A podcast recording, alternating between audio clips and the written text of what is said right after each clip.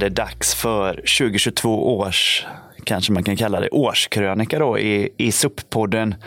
Eh, vi som hörs idag, det är jag, Niklas, och sen är det Magnus Lindstedt och så är det Joakim från Kona.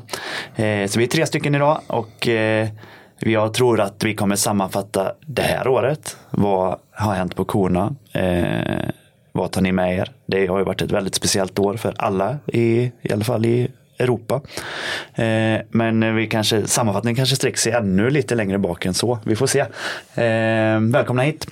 Tackar. Tack, kul att vara här. Det är alltid roligt att, träffas. Eh, ni är ju i Borås den här gången. Just det. Det är, yes. det är värt att nämna. Det är värt att nämna. Knalleland. Sveriges regnigaste plats. Sveriges regnigaste, ja men det snö, var snöade det när ni kom idag eller? Nej, Nej det hade inte. Men det var ja. intressant hemma eh, västkusten där. Där var det ju 12 minus igår och 5 plus idag. Ja, jag hade 12 minus igår och 0 i morse. Mm. Men ja, det svänger fort alltså. Ja, idag, idag var, det var bra väglag hit. Sen så kom vi en mil härifrån. Då var det ju modd. Ja. Ganska tuff modd här i Borås alltså. Ja, men det brukar mina svärföräldrar säga. De åker ju också från, inte Motala, men Tranås. Och de säger det, det brukar alltid vara fint väder tills man kommer till Ulricehamn, sen blir det mulet. Mm, stämde nu också. Ja. Härligt, härligt. Men eh, årskrönika då, det är ju ja, som sagt, eh, jag och många med mig tror jag gick ju in i det här året och tänkte att gott, nu vänder det här pandemiperioden mm. vi har haft. Nu blir det ljust, nu ser vi ljuset på himlen. Liksom. Nu kan vi blicka framåt, nu kommer ja, allt blir normalt igen eller vad man tänkte liksom. Eller nu kan man sikta framåt och sen eh, har det väl för väldigt många blivit precis tvärtom då. Det, ja. Kanske hålet har blivit ännu djupare. Eh, men hur har det varit på korna under det här året? Nej, men det, har ju varit, eh, det är ju ett utmanande år med, med eh, stigande inflation. Eh, det är ju utmaningar, helt klart. Det som vi tar med oss, då, det är ju, vi har ju lagt väldigt mycket grund i många år. Vi tar med oss väldigt fina framgångar av våra riders. Vi har ju i år vunnit en världscup. Vi har vunnit EM vi har kommit tvåa på VM. Alltså det här är ju helt grymt. Vi som ett litet, litet varumärke från Sverige har ju då utmanat de här globala stora. Och det är väl kanske vår storhet tycker jag att vi faktiskt är där vi är. Vi vill inte vara någon annanstans. Vi vill inte framstå som den stora spelaren. Vi är precis tvärtom. Vi, vi, vi, vill, vi vill veta varför vi gör det här. Och det är nog ganska tydligt under året eh, vad, vi, vad vi känner, vad vi, vad vi är på väg någonstans. Mm. Och det är absolut inte bli en global spelare. Det är precis tvärtom. Bli en spelare som tar ansvar. Eh, och det är egentligen det det handlar om framöver här nu. Det är inte bara att och liksom stoppa in några strå i mangrove-träsken. Det här handlar ju om en systemförändring. Både på kunskap och både på produkttillverkning, hållbarhet. Alltså det är så superintressant. Eh, nästa år, i, det är ju ett regimskifte som heter det duga. Jag kan inte säga allt vi ska göra men, men det är mycket som kommer att hända till nästa år. Kul! Det känns som att vi har flera punkter där att gå igenom. Ska vi börja med, med racingteamet och framgångarna och också en del förändringar på den fronten som mm. har hänt under året gissar jag. Just det. Hur har det sett ut, eh, som Joakim sa, eh, ganska stora framgångar ändå då för vissa paddlare? Ja, nej, men det har varit, ehm, det har varit väldigt spännande faktiskt. Har du några ehm, nya SM-medaljer i år eller? Uh, nej, jag var med en vända. Jo, ett brons, men det räknas ju inte. Brons räknas inte? nej. Silver, hade silver räknats? Men, nej, men eh, våra två adepter där, eh, Linus eh, och Marcus. Linus tog ju SM-guld och Marcus tog silver. Mm i teknisk sprint, då, det som var på SM-veckan i Linköping. Just det. Eh, innan dess så var vi i... Men Magnus, du tog ett broms då också. Ja, men jag sa ja, det. Men det var ju teknisk sprint i Linköping. Det. det är ju tv-sänt. de hade ju en skitbra eh, startare där också. Just det. Nej, det var, det var, det var nej, jag måste berätta, vi sätter upp eventet dagen innan, perfekt bana, vi har ju en sån här eh, bana som är en splitbana, man kan köra både höger, man kan köra vänster, lägger upp en perfekt, vi har mät, mätlinorna, på kvällen, på fredagen, ligger perfekt, vi åker hem, blir en storm på natten, när vi kommer på morgonen så alla bojar är bortblåsta. Det var bara att börja om igen, men vi fick ihop ett precis och sen så rapplade vi av det där eh, racet snabbt faktiskt. Eh, skitkul, jag tyckte det var skitkul. Linus var ju jävligt stark, Marcus och Mange var väl ganska tajta där. Eh, nej, det var kul. Och tjejerna, superkul. Eh, nej, det var kul, kul event. Snabbt, kul, mycket publik, tv. Skitkul. Världscup då? Världscup, eh, vi hade en först i Schweiz på, i maj. Eh, och där, där gick det väl helt okej. Jag tror, jag för mig Linus blev nia på det distansloppet där. Eh, och sen så hade vi Marcus som blev eh, både nia i tekniska sprinten och i supersprinten. Eh, Så det var bra. Eh, Caroline var väl typ femma eh, i sprintarna där också. Har jag för mig. Ja. Eh, nej, så det har varit riktigt spännande både med EM och VM också efter det sen. Och, och eh, Linus tog fler SM-guld i eh, både långdistans och eh, teknisk, nej, eh, jo, långdistans och teknisk distans Just det. i Falkenberg då. Ja, roligt. hade ju, det var ju både, det var ju lite sjuka också. Det var ju både covid och skador och sådär. Men eh, jag kan väl tycka årets överraskning, det var nog egentligen, nej, det var ju två överraskningar, men det var ju framförallt Caroline som har varit sjuk länge. Vi mantrade in i huvudet på henne att det är helt möjligt att vinna EM fast man har varit sjuk. Du kan ju ha den bästa dagen, du kan ha den bästa vågen. Hon trodde inte själv på det, men hon går faktiskt och nailar Europ- europeiska mästerskapen i Danmark på sprint. Just det. Eh, annars så var det väl, eh, eh, ja det var väl där i Danmark, vi var ju där och kolla. Linus hade väl fortfarande sviter av sin covid. Han var väl inte helt i form. Han hade väl egentligen det under hela året delvis. Det var väl hans första år på Europatouren också, så det, det tar ju att liksom ställa Många tävlingar. siktet. Ja, precis. Eh, sen kommer vi till eh, världscupen i London, där kommer vi ju trea. Caroline kommer ju trea på sprinten där. Det är ju hennes favoritdistans, men det är ju egentligen, vi, vi visar upp oss där, vi utmanar eh, och när vi är som bäst och vi har eh, bäst förutsättningar så kan vi vara där, kan vara i toppen. Eh, vidare till, eh, var vi väl vidare till eh, VM. Där gör ju faktiskt Linus kanske Sveriges mest meriterade merit att komma med till tekniska sprinten. Final, ja, finalen. Final, A-finalen. Det, är inget, det har aldrig hänt. Nej. Kommer väl sjua. Eh, Det är väl hans livslopp tror jag. Eh, Vi med våran, eh, våran Alla de hiten var riktigt bra. Så att, eh, där ser man ändå hur konkurrenskraftig både Linus och, och eh, våra Och Caroline hon tar ju andra platsen där på teknisk sprint. Just det. Ehm, De är väl mer utmanande i långdistans. Det var tuffa förhållanden. Caroline kör ju inte långdistans, hon kör ju bara Nej, det var ju korta. verkligen en, en, en långdistans man själv hade velat vara med på. Men, eh, Ja, det var ju tuff alltså. ja, men det, ja. ja men den, Nej, men sen efter det så var det ju, då var det ju, ser måste ju varit Korea.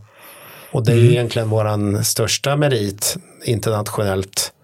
Där eh, vinner vi ju. Ja, vi, vi, Caroline vinner ju där. Man ska ju komma ihåg att det är ju atleterna som vinner. Det vi, vi kan ju bara vara med och bidra. Eh, Det är, det är, så är det ju va. och där vann hon ju overall helt Ja, enkelt. vinner både, hon vinner ju sprinten där och trea på långdistansen.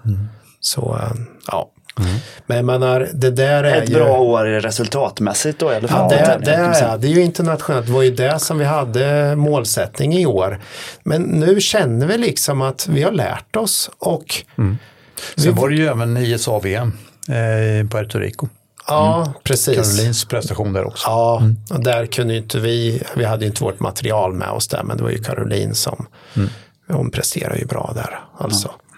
Men, och det, eh, och det, det, det är lite svårt, det globala liksom. Man ska skeppa långa 4,25 bräd, 4,25 brädor runt jorden. Det, det, är inte, det är inte så himla lätt alltså.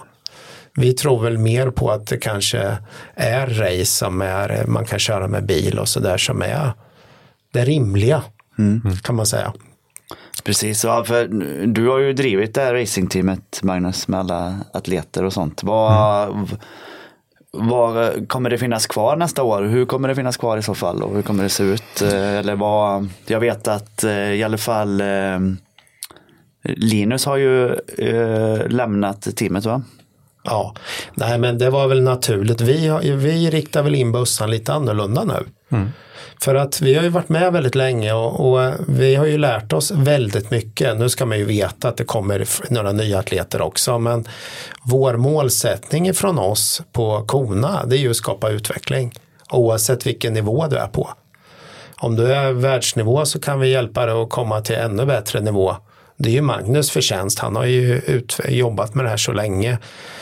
Och jobbar eh, annorlunda tycker jag, som är spännande. Tänker annorlunda. Men nu, eh, allt det vi har lärt oss under tio år här, då kommer vi ju lägga på elitmotionärer och motionärer och de som faktiskt vill ha bra allmänhälsa.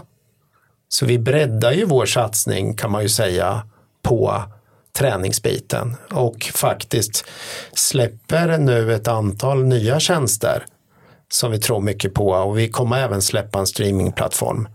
En eh, abonnem- abonnemangsplattform där man faktiskt kan lära sig och träna. Vi har ju även, Magnus driver ju mycket sån här, en ny produkt vi har släppt nu, det heter Subscreening. Och det kan ju Magnus berätta lite om. Nej, men det är ju mycket av det här som sagt så ser vi ju vad, vad det är det handlar om egentligen och det handlar ju om utveckling.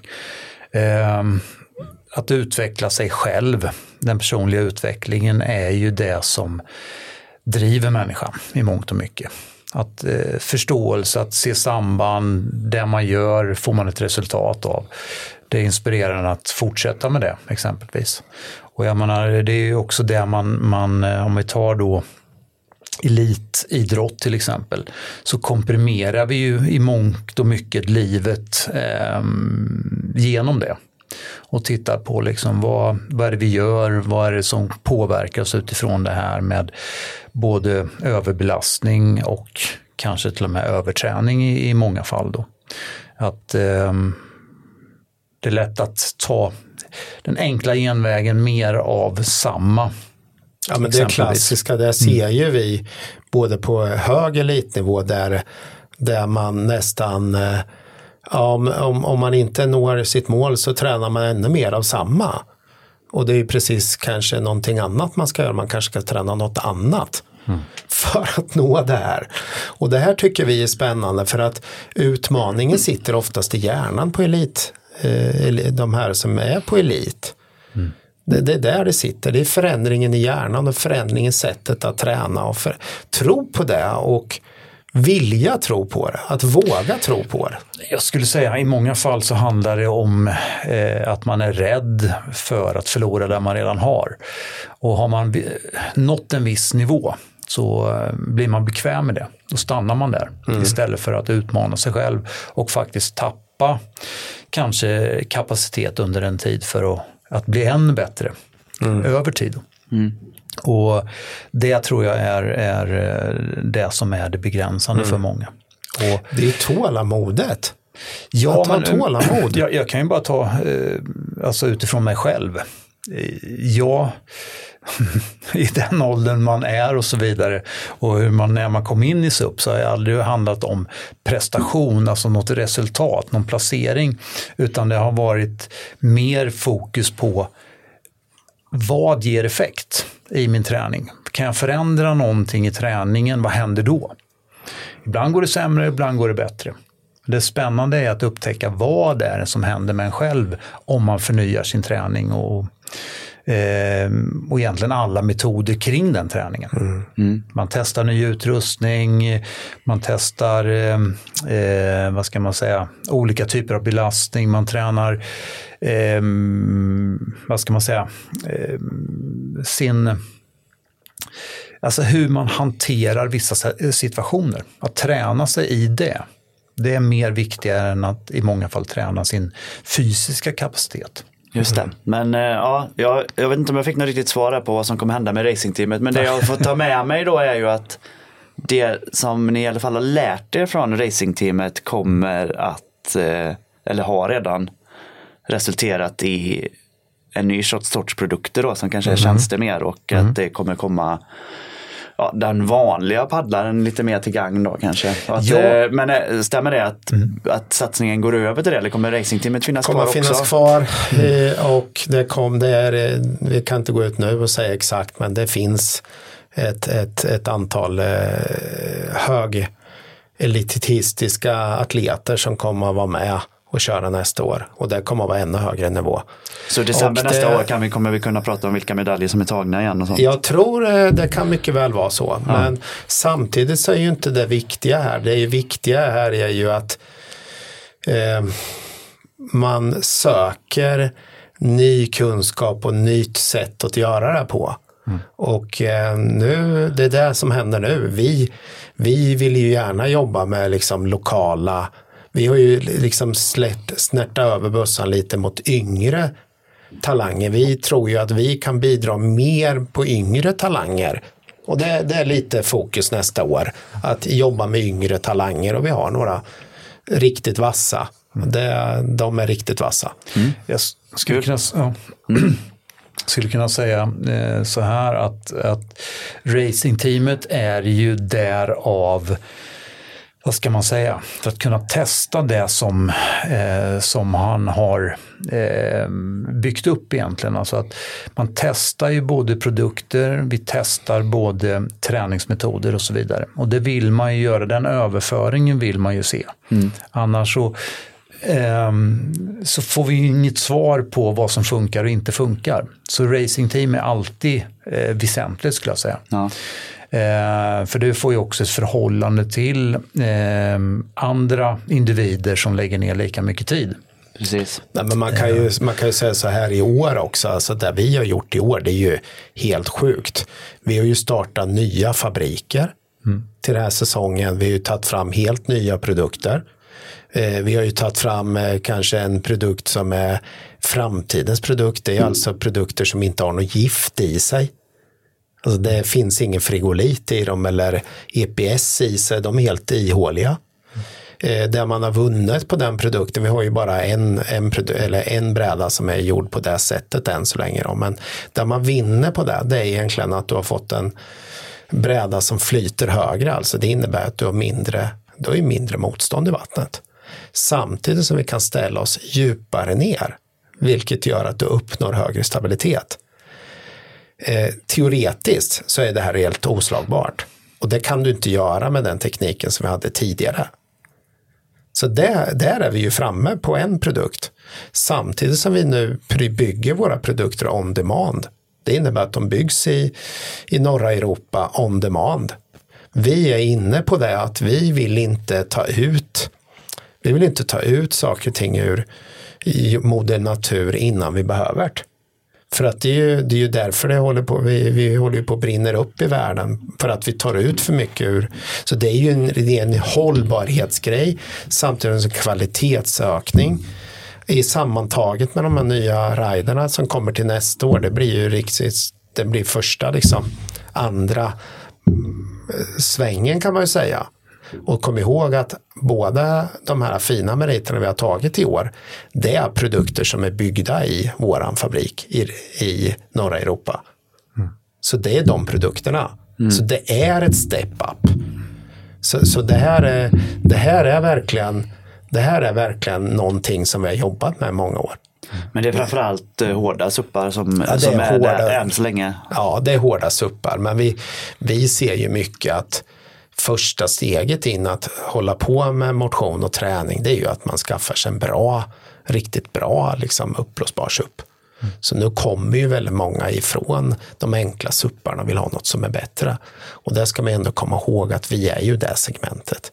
Mm. Vi är ju medium hög, eller medium hög. Ja, framförallt skulle jag säga att det handlar om att eh, vi får produkter som är mer ergonomiska paddla. Ja, ja precis. Alltså att du får så sammantaget med racingteamet och det vi har gjort har vi ju kommit ut. Det, vi, vi, är ju ett nytt företag kan man ju säga. Vi, är ju, vi behöver inte liksom eh, beställa sex månader innan längre. Eh, vi är mer on demand. Vi försöker inte jobba på det sättet längre. Vill du ha en produkt, då producerar vi. Har vi den i lager, ibland har vi den, då kan du få den. Men i våras då hade vi ju, nu är ju all produktion uppsatt kan mm. man säga. Vi, där är vi färdiga. Mm. Så det ska bli skönt att gå in Jag jobbar jättemycket med det här förra året. Eh, så det ska bli kul och nu sprids ju de här produkterna både i USA och i andra delar av Europa. Så nu, det, det är liksom ett steg upp men det är ju premiumprodukt upplösbara, liksom, där finns det alldeles för mycket. Liksom, det är ju överhettat kan man ju säga. Mm. Men är det bara de här nya produkterna som går att köpa nu på korna, de här eh, tidigare eh, nej, modellerna sen, som är tillverkade på andra ställen? Nej, det finns kvar lite på lager då kanske? Ja, eller? precis. Men ja. vi har ju under de sista ett och ett halvt, två åren så har vi ju utvecklat våran pre-used eh, eh, pre-used stuff. Liksom. Att mm. vi tar tillbaks, vi upparbetar, vi, vi, eh, vi säljer igen. Vi har, vi, vi har väl som målsättning att inte flytta så mycket atomer i framtiden. Alltså molekyler. Vi har inga problem med att snurra brädor. Va? Det här är ju, det är ju en, det vi, vi ska ju prata om hållbarhet sen men allt det här sitter ihop där Magnus har jobbat med i alla år, det här med en hållbar människa, eh, bra tränad, bra produkter som håller länge, cirkulera produkter som man kan dela med flera. Eh, det bara fort, vi fortsätter egentligen på grundkonceptet som vi la ut 26. Med, där vi hade en entypsbräda i windsurfing som är samma idag. Som alla seglar på likadan. Det är att vi fortsätter och tar in det här i, i träning och i supracing och faktiskt Eh, nej men det är en del av våra, del av våra DNA som vi jobbar. Men det kan man ju säga att, att under det här året då med, med outlet och pre-used produkter det har ju varit en, en stor del där. Mm. Att vi faktiskt eh, har börjat att, vad ska man säga, människor behöver ju olika typer av utrustning utifrån sin egen eh, nivå och var man befinner sig just nu. Och då såg vi ingen mening med att sälja på någonting nytt utan att den produkten, om man börjar med något stabilt i, i början kanske, så kommer ju andra ha nytta av den när man själv går vidare och vill ha någonting kanske mer instabilt eller smalare och så vidare. Mm. Och det, det är ju en del av framtiden som vi har sett. Ja, men man kan se det här också om du tar en senior då som den som kanske har mest, alla har nytta av SUP på grund av det aktiviteten som SUP ger dig med balans och nervsystem och höger-vänster och smidighet och det finns så mycket, det, det behöver vi inte gå in på. Men om vi tittar till exempel på individer som kommer in i sporten lite äldre, man vill ha mer balans. Det kommer ju också kräva mer av produkterna. Mm. För att en hård produkt är alltid stabilare eh, utifrån att man kan stå djupare. Det kommer ju en sån, en sån produkt kost eller en sån bräda kostar ju mer att producera. Det kräver ju mer. Men samtidigt blir ju upplevelsen större. Eh, nyttan blir större. Nu har vi ju kommit, många har ju kommit in med det här med upplösbart. Men jag menar om man nu vill ha en ergonomisk produkt då behöver den ju vara smalare. Och då i många fall så kan man inte ha en uppblåsbar produkt, då måste man ha en hård produkt. Mm. Så vi jobbar ju vidare med våra koncept att ta dem till livslångt eh, paddlande. Kommer man kunna köpa uppblåsbara Kona-suppar tillverkade i Europa i framtiden? Ja, vi, vi, var ju väldigt nära att börja med det här men det, det ställde till det lite med, med, eh, utan att säga någonting, men det ställde till det lite med det som hände i år. Mm. Så vi var ju på väg in i Europa. Eh, men vi, eh, när det gäller vårt uppblåsbart idag så åt, upparbetar vi och tar tillbaks och så man, våra uppblåsbara kommer att leva väldigt länge. Mm. Och när de eh, har levt sitt egna liv där så har vi en plan för dem vad de ska göra också. Så mm. vi, vi jobbar extremt mycket med den livslånga cirkulära idén. Mm. Kommer Kona vara ett, eh, mer ett tjänsteföretag än ett företag som säljer produkter i framtiden? Ja, men I och med att vi inser ju att vi har hög kunskap, vi har lagt så mycket tid på det här, så kommer vi med en streamingplattform med utbildning. Eh, och det här med, man kan tycka det med Indorsup, Indorsup är ju faktiskt en av de största innovationerna nu i SUP på grund av, varför då? Jo, men vi kan lära ut SUP på ett enklare, smartare metodiska sätt.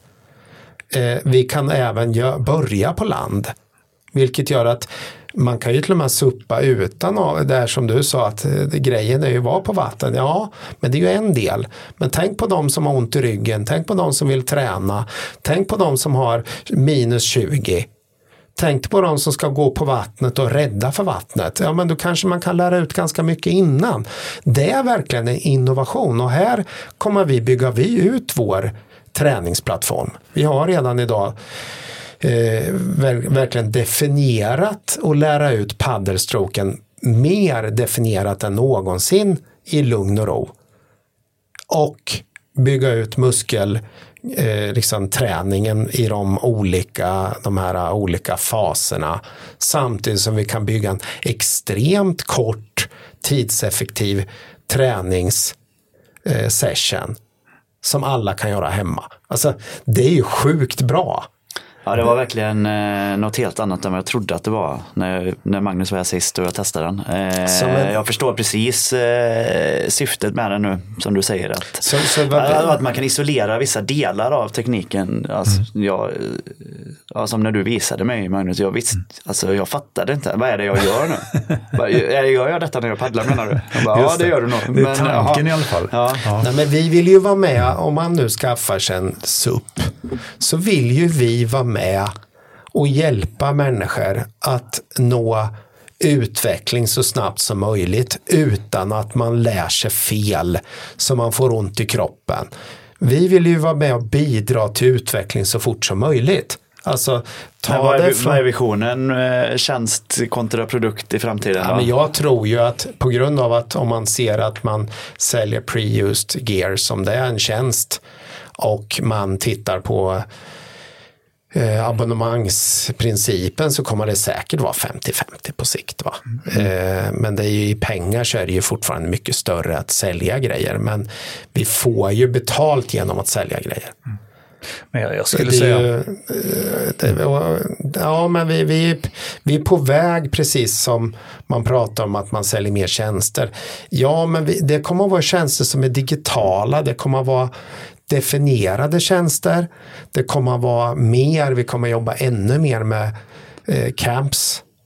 Eh, mer med eh, liksom utveckling. Mm. Back to basic lite grann va? Mm. Blir det. Mm. Och jag, jag tänker ju att vad det handlar om, det, det som, som eh, har varit väldigt tydligt det här året eh, och kanske under pandemin också. Och det är ju det här att fortsatt så, så tittar man på industrin så säljer man produkter. Eh, och man har ännu inte lyckats kommunicera värdet av SUP-paddling. Nej. Eh, och det är det som vi övergår mer och mer till. Du kommer ju alltid behöva produkten för att kunna paddla på, på vatten. Mm. Men den har du inget behov av om du inte förstår själva värdet av att paddla. Nej, men det är hela, våra, hela vår podd har ju byggt på att vi vill förmedla kunskap. Ja, och vär, mm. kanske det värdet av SUP som inte bara är en produkt då, tänker jag att det är det som du menar, att Exakt. hela branschen fortfarande säljer en produkt. Exakt. Mm, men, men vi, eh, det man eh, egentligen vill sälja är... Vi, vi jobbar ju, vi jobbar ju ja, mer och mer med värden. proffs, liksom. Alltså rena ergonomi, ergonomi, alltså, eller rehabilitering menar jag rehabilitering med proffs och fysioterapeuter och PT. Alltså, vi kommer ju in i men Kona Sports hette ju från början Kona Windsurfing, idag heter vi Kona Sports. Det andas ju vad vi sysslar med. Egentligen skulle det kunna heta Kona Sports och hälsa. För egentligen så bidrar vi ju med hälsa. Långsiktig hälsa. Det, det, är, ju, det är ju det vi gör. Vi är ett hälsobolag. Och det är det, till exempel om vi, om vi går tillbaks till teamet och så vidare. Eh, att kunna jobba på nya sätt, mer hållbara sätt att utveckla individer. Eh, och därigenom alltså, det, det svåra, etablerade atleter är det väldigt svårt att förändra. För att de är så trygga i det de gör och vill inte förändra. Eh, jobbar vi mer med yngre personer så kan vi också eh, lättare se och forma dem på ett sätt som är, är mer hälsosamt även som elitutövare. Mm. Och det är just det vi ser där, det är också det vi förmedlar faktiskt till, till människor som inte primärt eh, har tänkt att prestera, alltså prestera placeringar eller resultat på det sättet, men som mer vill prestera utveckling. Mm. Alltså, här kan vi prata om, om personer över 70 som faktiskt vill fortsätta ha en bra balans, vill fortsätta ha en, en, en bra funktion eh, i kroppen och så vidare. Precis. Så det... Ehm, ja, men det, man får lite roliga paralleller i huvudet. Så. För jag tänkte, när vi pratade om racingteamet innan så tänkte jag att ja, man kan ju bara fortsätta det i samma anda. Men mm. sen förklarade du hur det är en del i utvecklingen för att mm ja, för hela utvecklingen framåt, både för tekniker och sånt där. Men, och som du sa nu, att individer som är väldigt invanda i ett mönster, de är mm. svåra att ändra på. Mm.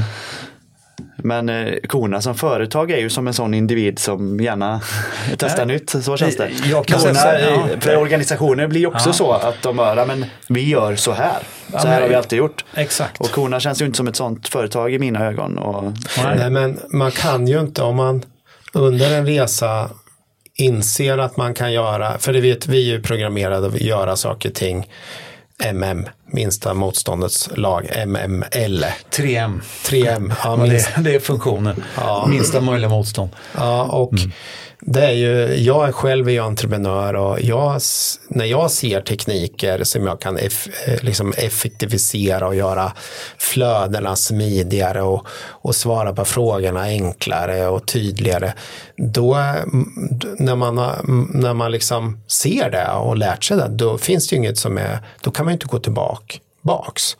Man ska vara medveten om det att det vi går igenom nu, först pandemin, krig, inflation, eh, elkris, alltihopa. Det som vi hade innan kommer aldrig tillbaks. Det är något helt nytt som kommer ut här nu i vår. Vi kan inte räkna med att det blir lika många som kanske åker, eh, åker iväg och kör Vätternrundan eller Vasaloppet just nu. Det, det kanske är någonting annat. Vi hittar stimulanser i någonting annat. Vi sätter på oss barberglasögon och upplever någonting istället hemma. Eh, tidseffektivare för det kommer att vara så jävla dyrt att åka dit. va. Och det, det, det är det jag menar att vi är i ett läge där vi måste se på möjligheterna vi måste anta vissa saker som händer. Det är det som leder oss. Det är inte en balansräkning vi tittar på, vi tittar på en omvärldsanalys som styr oss framåt. Den vet man aldrig om den är 100% rätt. Men om man inte tittar så kommer du inte se det. Va? Slutar du titta och utvecklas, då kommer du inte gå framåt. Och vi tror väldigt mycket på, vi har lärt oss väldigt mycket om det. Individer, träning, produkter, företagande, hur vi ska interagera med våra atleter. Men framförallt det vi tycker är intressant nu, det är ju att ta människor från en punkt till en ny punkt, en utvecklingspunkt. Det är där vi vill hjälpa människor på den Vi vägen. vill hjälpa mm. människor att ta sig från en nivå till nästa nivå beroende på vilken nivå det är. Mm. Alla här, har olika mål. Mm. Här är ju SUP ett verktyg i det.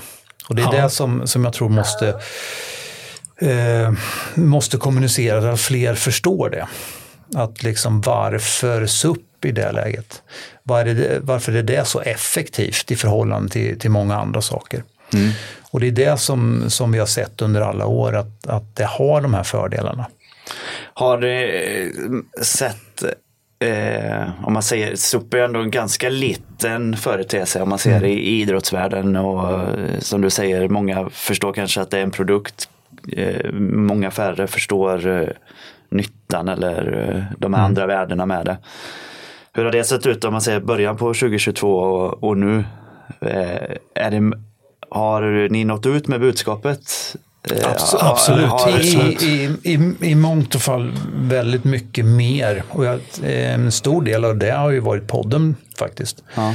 Eh, men alla de som, som eh, vad ska man säga, som vi är i kontakt med har ju mer gått och det här året visade verkligen att man gick vidare från uppblåsbar allround suppbräda till en träningsbräda. Att man mer såg, eh, såg, såg det som en träningsform.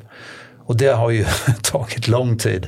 Men jag tror att den förändringen eh, faktiskt nu kommer vara bestående. Ja, för det tror jag om du bara frågar, rycker en snubbe på gatan och frågar om SUP. Då tänker de på en uppblåsbar bräda som någon står och solar på och åker lite Typ när det är Mm. spegelblankt. Och Man tänker inte på det som träning eller eh, Nej, men det, det ska man ju veta att ni, det, alltså, det, är ju, det har varit en trend, det är många som har sökt sig hit, men 95 procent är ju där när man säljer. Vi, vi säljer ju det också, Ja. men till 95 procent så är ju vi motion och träning. Eh, Men, vi är, men man, man Men har har lite... Man har, har ni har sett man- att förskjutning har börjat ske eller? Ja, absolut, det har den. Och, och jag tycker egentligen man kan göra den där liknelsen med elbilar lite grann. För att en elbil behöver, du och jag har elbilar, Niklas. Du eh, hyr din eller? Ja, ja, eh, ja, jag har haft en, en mängd olika elbilar sedan 2019 faktiskt. Ja, Ja. Jag har två stycken av i familjen nu, men vi hyr båda två. Ja, just det. Jag är också en som jag hyr och jag eh, har ett svenskt varumärke som inte är V, jag börjar på Volvo, jag har ett annat. Ja. Så, Jag eh, Saab alltså. Nej, men det är ju faktiskt inget svenskt varumärke, det är kinesiskt tror jag det är. Ja, Ja, men de byggs, i- de byggs inte ens i Sverige tror jag inte. Nej, men jag åkte dit till den idag. Eh, men eh, det jag tror, det jag såg i alla fall när vi gjorde våra, eh, när vi gjorde våra liksom, kompositbrädor så var det väldigt mycket appellering mot eh, nutid. Det är lite som man bygger, bi- bygger, mm, bygger hus. Så bygger man ju hus i tiden med teknik som är smart, eh, som man lever. Eh, det, det, så tänkte vi också när vi kom med våra nya generation brädor. Det var ju att den, är lite mer futuristisk, den är, uttrycket är lite mer elbilsuttryck. Eh, ja, men det, det finns väldigt mycket där det finns väldigt mycket smartness. Vi har ju under året också fortsatt och testat en hel del. Vi har ju lärt oss oerhört mycket. Vi har ju fått så mycket data. Vi har ju till och med tagit fram egna algoritmer nu för att fånga upp paddelfrekvensen frekvensen för att se. Eh, vi såg ju vissa grejer som Uh, ja, vi har haft en som, uh, min dotter är, hon går på nanovetenskap i Lund, hon är jävligt matematisk kan jag säga. Hon har gjort ett antal algoritmer där vi fångar upp data på ett smidigare sätt, enklare sätt. Vi bara fortsätter med det, vi har massor att gräva, vi har massor att ta ut här. Jag tror framtidens brädor och framtidens mätvärden och så vidare, det, det är jävligt spännande det som kommer nu. Och där eh, ligger vi on the edge, kan jag säga. För att vi är intresserade av tekniken kommer göra att vi gör bättre produkter och vi kommer hjälpa, kunna hjälpa människor bättre på det här sättet. Det är, där, det är därför vi gör det. Jag tror att frågan var hur, hur, om ni har nått ut till fler eh, med själva syftet med SUP och Ja, det har vi. om... Eh, eh, Det har vi. Ja, och jag tänker att hela den här, jag gissar i alla fall att den här tjänstebiten då som ni har, eh, känns som att ni har börjat gå in i initialt i alla fall. Där är syftet med just det att, att eh, ja, som du brukar säga Joakim, utbilda folk men kanske bara få, få folk att förstå inledningsvis då gissar jag. Ja, men det, det, jag skulle säga att det, det är avgörande och det häftiga är ju att, att Kommer det bli en folksport någon gång SUP? Ja, men jag tror det. Mm. Absolut alltså. Den, den är så tillgänglig och speciellt i Sverige med, med allemansrätt och sådana saker. Så det är väl, vi har ju en fördel där. Men Eh, alltså det man hör ifrån de vi är i kontakt med är ju så fascinerande. Just det här med att de börjar själv inse de här sakerna. Ja, det är ja, folk som paddlar på era brädor helt enkelt. Ja, men exakt. Mm. Eh, och det, det, är det som är så häftigt, det man har försökt att förmedla under så lång tid. Nu kommer folk tillbaks mer och mer med just det här och eh, delar sina egna erfarenheter. Mm. Och, och, vill också veta mer. Och det inspirerar ju oss till att faktiskt ge ännu mer. Att ta fram liksom att ja, men nu erbjuder vi eh, typer av tjänster där vi gör nulägesanalyser av paddlingen för att förstå liksom hur jag funkar just nu med den kapaciteten jag har och vad som kan hända om jag förbättrar vissa delar där, vad det kommer ge för effekter. Kanske inte bara fart på vattnet på, i SUP utan även funktion i, Nej, i vardagen. Vi, vi, ser ju, ja. vi, ser ju, vi ser ju tydligt i, alltså, i andra sporter när man kommer till oss så bygger bygger du ju upp så att säga eh, grenspecifika muskler. Vilket gör att det hämmar dig ju i paddling. Till exempel om du har en cyklist som bygger väldigt mycket, vad kallas det, skinker. Eh, och det, då har ju tyvärr eh, bäcken en tendens att sätta sig lite. Man blir väldigt stel, vilket gör att paddlingen bygger ju på att man är rörlig i höften Eh, det, man är rörd i höften så man kan använda överkroppen för att trycka på med paddeln. Va? Här har vi faktiskt hjälpt många människor att må mycket bättre och då har vi inte behövt, då har vi inte bara jobbat med SUP, då har vi ju börjat, då har vi jobbat med yin-yoga till exempel för att luckra upp fascian och såna grejer. Och när man skapar medvetenhet hos de här individerna, då vill man ju förändra. Man ser ju en möjlighet. Och de kan ju faktiskt komma tillbaka och säga, jag mår mycket bättre, jag mår bättre i ryggen, jag har en bättre hälsa. Det, är ju precis det vi vill uppnå. Att människor faktiskt mår bättre. Mm. Och det, det, finns säkert till exempel i längdåkning där vi, vi pratar väldigt mycket om dubbelstakningstekniken hela tiden. Ja, men ska vi vara riktigt ärliga så är ju egentligen SUP, det, bara, det har vi ju kommit fram till nu sista åren Magnus. Jag åker ju själv längdåkning. Jag har åkt senast igår körde jag en mil. Mm. Skate. Skate, alltså du rör höger vänster, du behöver ha timing, precis samma sak när du jobbar med eh, SUP, du ska ha timing på paddeltaget, du ska hålla balansen. Jag, jag landar nog mer och mer i att SUP mer likt. Eller egentligen skateåkning är ju mer funktionellt för kroppen. Mm. Du måste hålla balansen, höger, vänster. Du blir inte så fokuserad på eh, en typ av liksom framåt eh, framåtrotation bara. Du kanske belastar ryggen lite väl mycket när du bara kör dubbelstakning-tekniken. man pratar ju om det här. Mm. Men det är ju för att det är så grenspecifikt.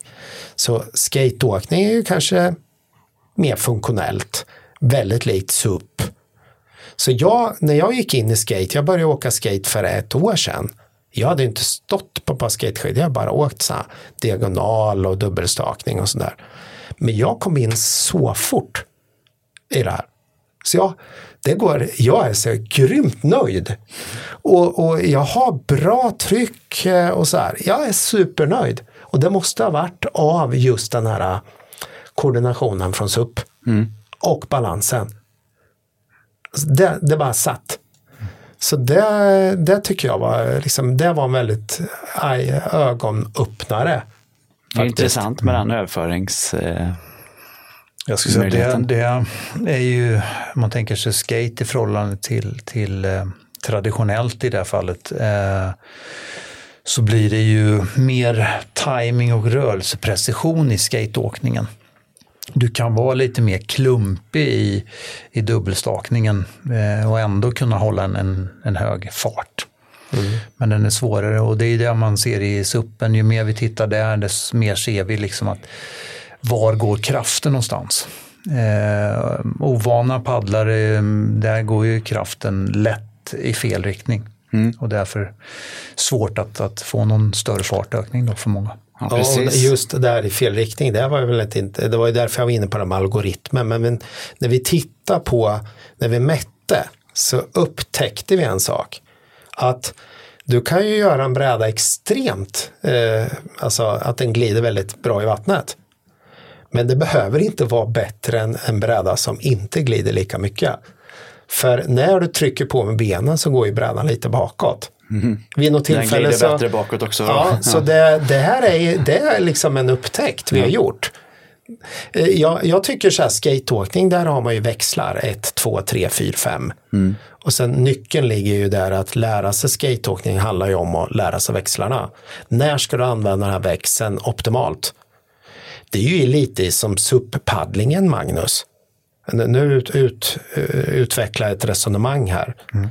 Det är att vi skulle prata mer, vi pratar om Nordic stroke och vi pratar om du vet, olika paddeltekniker. Men egentligen så är det ju så att de här olika teknikerna funkar ju olika bra på olika förhållanden. Mm. Har du till exempel, bygger du väldigt mycket eh, kroppskontroll och ergonomi och sådär, ja men då kanske Nordic stroke är den bästa. Ska du bygga väldigt mycket fart, ja men då ska du ju jobba med en annan växel. Ska du köra ute på havet och du har väldigt stora vågor, och då behöver du ha en annan teknik. Det, egentligen så handlar det nu egentligen om att förstå alla de här teknikerna. Det är ju det, är det man gör i, i skateåkningen, man har fem olika växlar. Det har folk lärt sig. Mm. Så det kan ju vara så att SUP blir mer komplext framöver. Att vi har fem växlar eller fyra växlar eller tre växlar.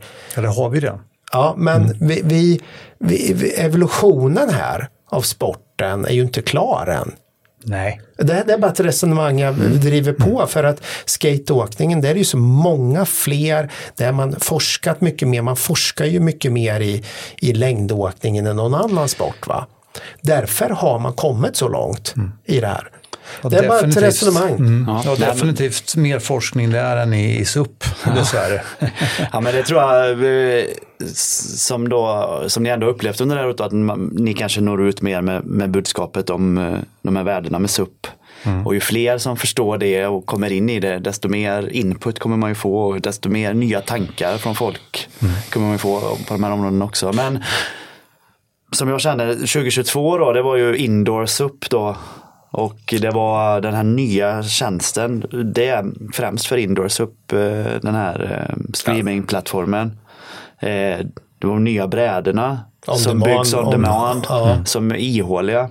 Mm. Det är väl de tre stora grejerna för 2022. Ja, framförallt inbytet också. Ja, ja inbyte, ja mm. precis. Nej, men att vi har ett, vi har ett annat, eh, vi, har, vi har ett helt annat eh, mål nu. Mm. Det är att börja på en punkt oavsett vilken nivå du är på och ta det till nästa punkt. Och när du kommer till den punkten så måste du värdera om du vill ta det till en ny punkt. Då kommer det kräva förändringar. Kan vara i utrustning eller i träning. Det tycker jag att vi ska, vi ska försöka identifiera det bättre. Så, så att man kan eh, identifiera sig om man faktiskt, vilken, vilken nivå du är på. Mm. Fast och vill ja. du på nästa nivå, då måste du förstå vad det är som krävs att komma dit. Mm. Och till nästa nivå och till nästa nivå. För sådana här nivåer finns det hela tiden. Du måste ha din egna målsättning för vad du vill uppnå med SUP. Och här skulle jag säga att, att, när det gäller utrustningen i det här fallet för utvecklingen så är den så svår att eh, vad ska man säga, ta med i beräkningen på grund av att det tar, eh, jag skulle säga ett år att lära sig en, en ny bräda. Mm. Eh, innan du ser vad brädan gör för effekt på Ja, men jag kan eh, knipa in det, den som vann den senaste världscupen nu. Han har valt att inte vara sponsrad överhuvudtaget. Mm. Han kör på det han vill ha. Han har bara sagt nej, jag kör på det jag vill ha. Så han, han, han kör ju runt på en tre år gammal bräda som han har lärt sig. Mm. Så eh, det går inte att dra växlar. Jag menar, vi har ju eh, duktiga individer som har bestämt sig. Vi ska, jag ska köra på, jag ska ha en medelhastighet på 10,5 över 21 kilometer eller 11 kilometer per timme över 21 kilometer. Vi har sådana. då kräver det en annan utrustning, Det kräver en annan träning. Du måste ju bestämma det men det kommer ta lite längre tid för att en sån bräda kommer du inte kunna hålla balansen på första året. Men när du kan göra det, då kan du nå det, de talen.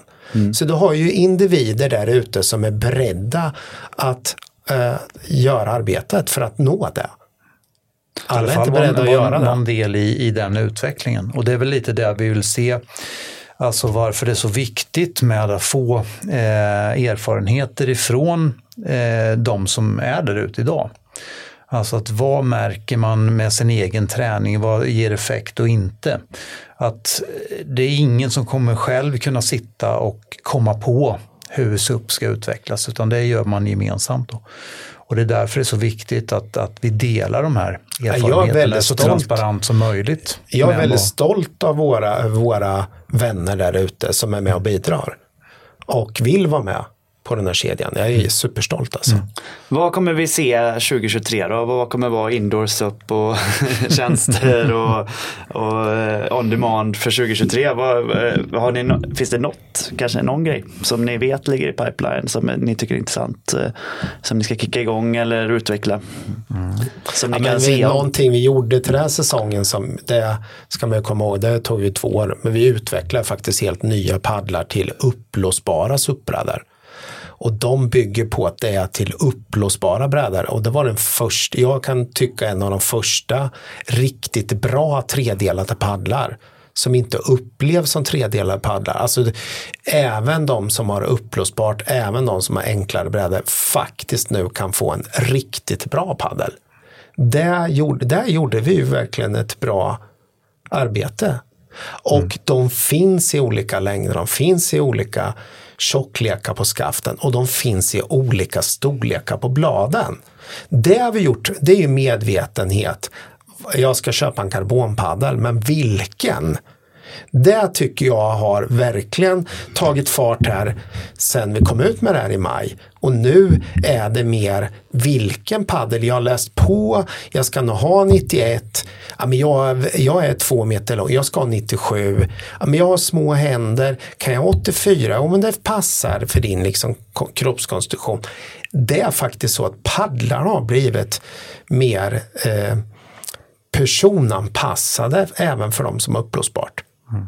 Det har gjort att de har lyft upplevelsen med inte bara en karbonpaddel, faktiskt en paddel som svarar emot rätt vinkel i och med att du står högre upp på en uppblåsbar. Det tycker jag det är faktiskt det, det är jag stolt över i år. Det har mm. vi gjort i år. Mm. Det kommer säkert bli mer etablerat nästa år, att folk börjar att förstå att det inte bara går att köpa en padel, man kanske ska köpa rätt padel. Och här tycker jag vi ligger eh, väldigt väl prospekterade jämfört med marknaden. För där är inte marknaden än. Där är vi lite före. Spännande. Mm. Jag tycker att vi har gjort en ganska fin sammanfattning av eh, vad som har hänt under det här då väldigt speciella året för alla. Och jag tror att ni och jag och alla som lyssnar eh, eh, är lite spända inför nästa år. Vad som kommer ske eh, mm. rent globalt och för ens egen skull. Har ni något ni vill tillägga om sammanfattningen eller en framåtblick för 2023 eller ska vi bara stänga boken här för detta avsnittet? Nej, men jag, det som, som vi har sagt här lite grann och det som jag ser inför nästa år är ju absolut det här med, med den personliga utvecklingen att den kommer fortsätta, att det blir mer fokus på individen och att vi bör fokusera mer på oss själva. Eh, för att också förstå andra. Eh, och därigenom då kanske som sagt känna mer välbefinnande eh, på grund av att vi faktiskt ser inåt eh, till mm. vad, vårt eget behov istället för vad, vad andra gör och inte gör. Mm. Men sen, vi har ju flera nya tjänster, släpper, vi kommer gå ut med mer camper, mer, mer grejer liksom som har med service att göra. Släpper den här streamingplattformen ska bli jätteintressant här. Vi har eh, den nästan klar.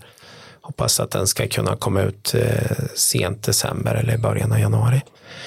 Eh, något annat som jag ser fram emot som jag tyckte var väldigt positivt. Vi, eh, Niklas har ju arrangerat Göta kanals upplopp förut, nu har det gått tillbaka till oss igen. Och vi har ju lagt om loppet lite grann. Nu kör ju vi det i Motala mm. och vi gör det utanför huvudkontoret på Kona. Eh, och vi samarbetar med Göta kanal. Vi kör det som ett varvlopp, eh, enklare att hantera men väldigt positivt. Vi kunde driva musik, vi kunde ha en bättre service. 7 kilometer, 14 kilometer, 21 kilometer.